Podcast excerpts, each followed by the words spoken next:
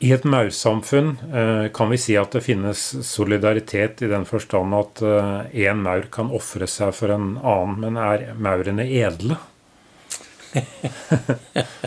Nei, altså jeg, jeg, har jo litt problemer med Nå, nå, nå på en måte menneskeliggjør vi maurene ja. veldig mye igjen, fordi vi prøver å tillegge dem en masse følelser. Og jeg er jo ikke overbevist om at maur har et rikt følelsesliv. Nei. Og det er helt riktig at det virker som om individet er nesten verdiløst utover det å skulle tjene samfunnet.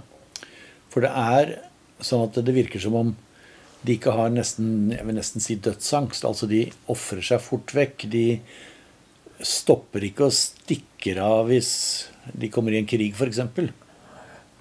Men jeg, jeg, tror jo ikke dette alltid er bevisste handlinger. Så dette her må være en eller annen form for for preging, biologisk preging. Kanskje via en lang evolusjonær prosess. Kan du ikke gi noen eksempler på hvordan maur uh, ofrer seg? Jo, altså det fins jo blant tropiske maur, så er det ikke så uvanlig at man har altså Visse arter har uh, hva skal jeg si for noe, kjente sykdommer som kommer kanskje i form av f.eks. For parasittiske sopper.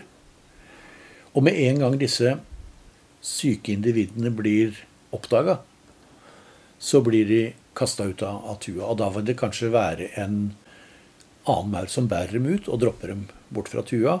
Og da vil det ofte være sånn at den mauren som bærer disse bort, heller ikke kommer tilbake igjen.